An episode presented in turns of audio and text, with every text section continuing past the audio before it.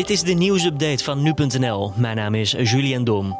De storm van vorige week zorgde naast schade door omgevallen bomen ook voor een recordopbrengst van windenergie. Voor het eerst kwam deze in 24 uur boven de 100.000 megawattuur uit, waarmee bijna een derde van de Nederlandse stroombehoefte werd gedekt. Het zijn cijfers die een paar jaar geleden onmogelijk waren, maar in de komende jaren overtroffen zullen worden. Dat vertelt energie-expert Martien Visser aan nu.nl. Los van de storm is het record mede veroorzaakt door de structurele toename van het aantal windturbines. Zo is de piekopbrengst voor de windstroom in Nederland in zes jaar tijd bijna verdubbeld. Defensie is vandaag begonnen met het bergen van een Britse bommenwerper die in de Tweede Wereldoorlog is neergehaald en op de bodem van het Markermeer ligt.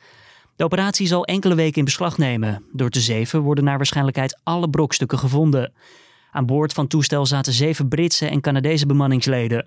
De hoop voor de nabestaanden is dat naast brokstukken ook menselijke resten geborgen kunnen worden.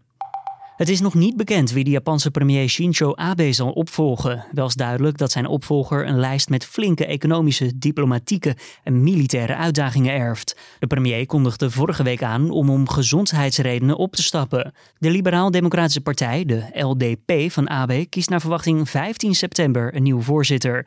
Die zal als partijleider de huidige termijn van zijn voorganger tot september 2021 uitdienen. De Verenigde Staten stoppen met de afname van beademingsapparatuur van Philips, dat meldt het bedrijf maandag. De VS haalde een streep door het contract, waardoor het bedrijf de verwachtingen voor dit jaar naar beneden zal moeten bijstellen.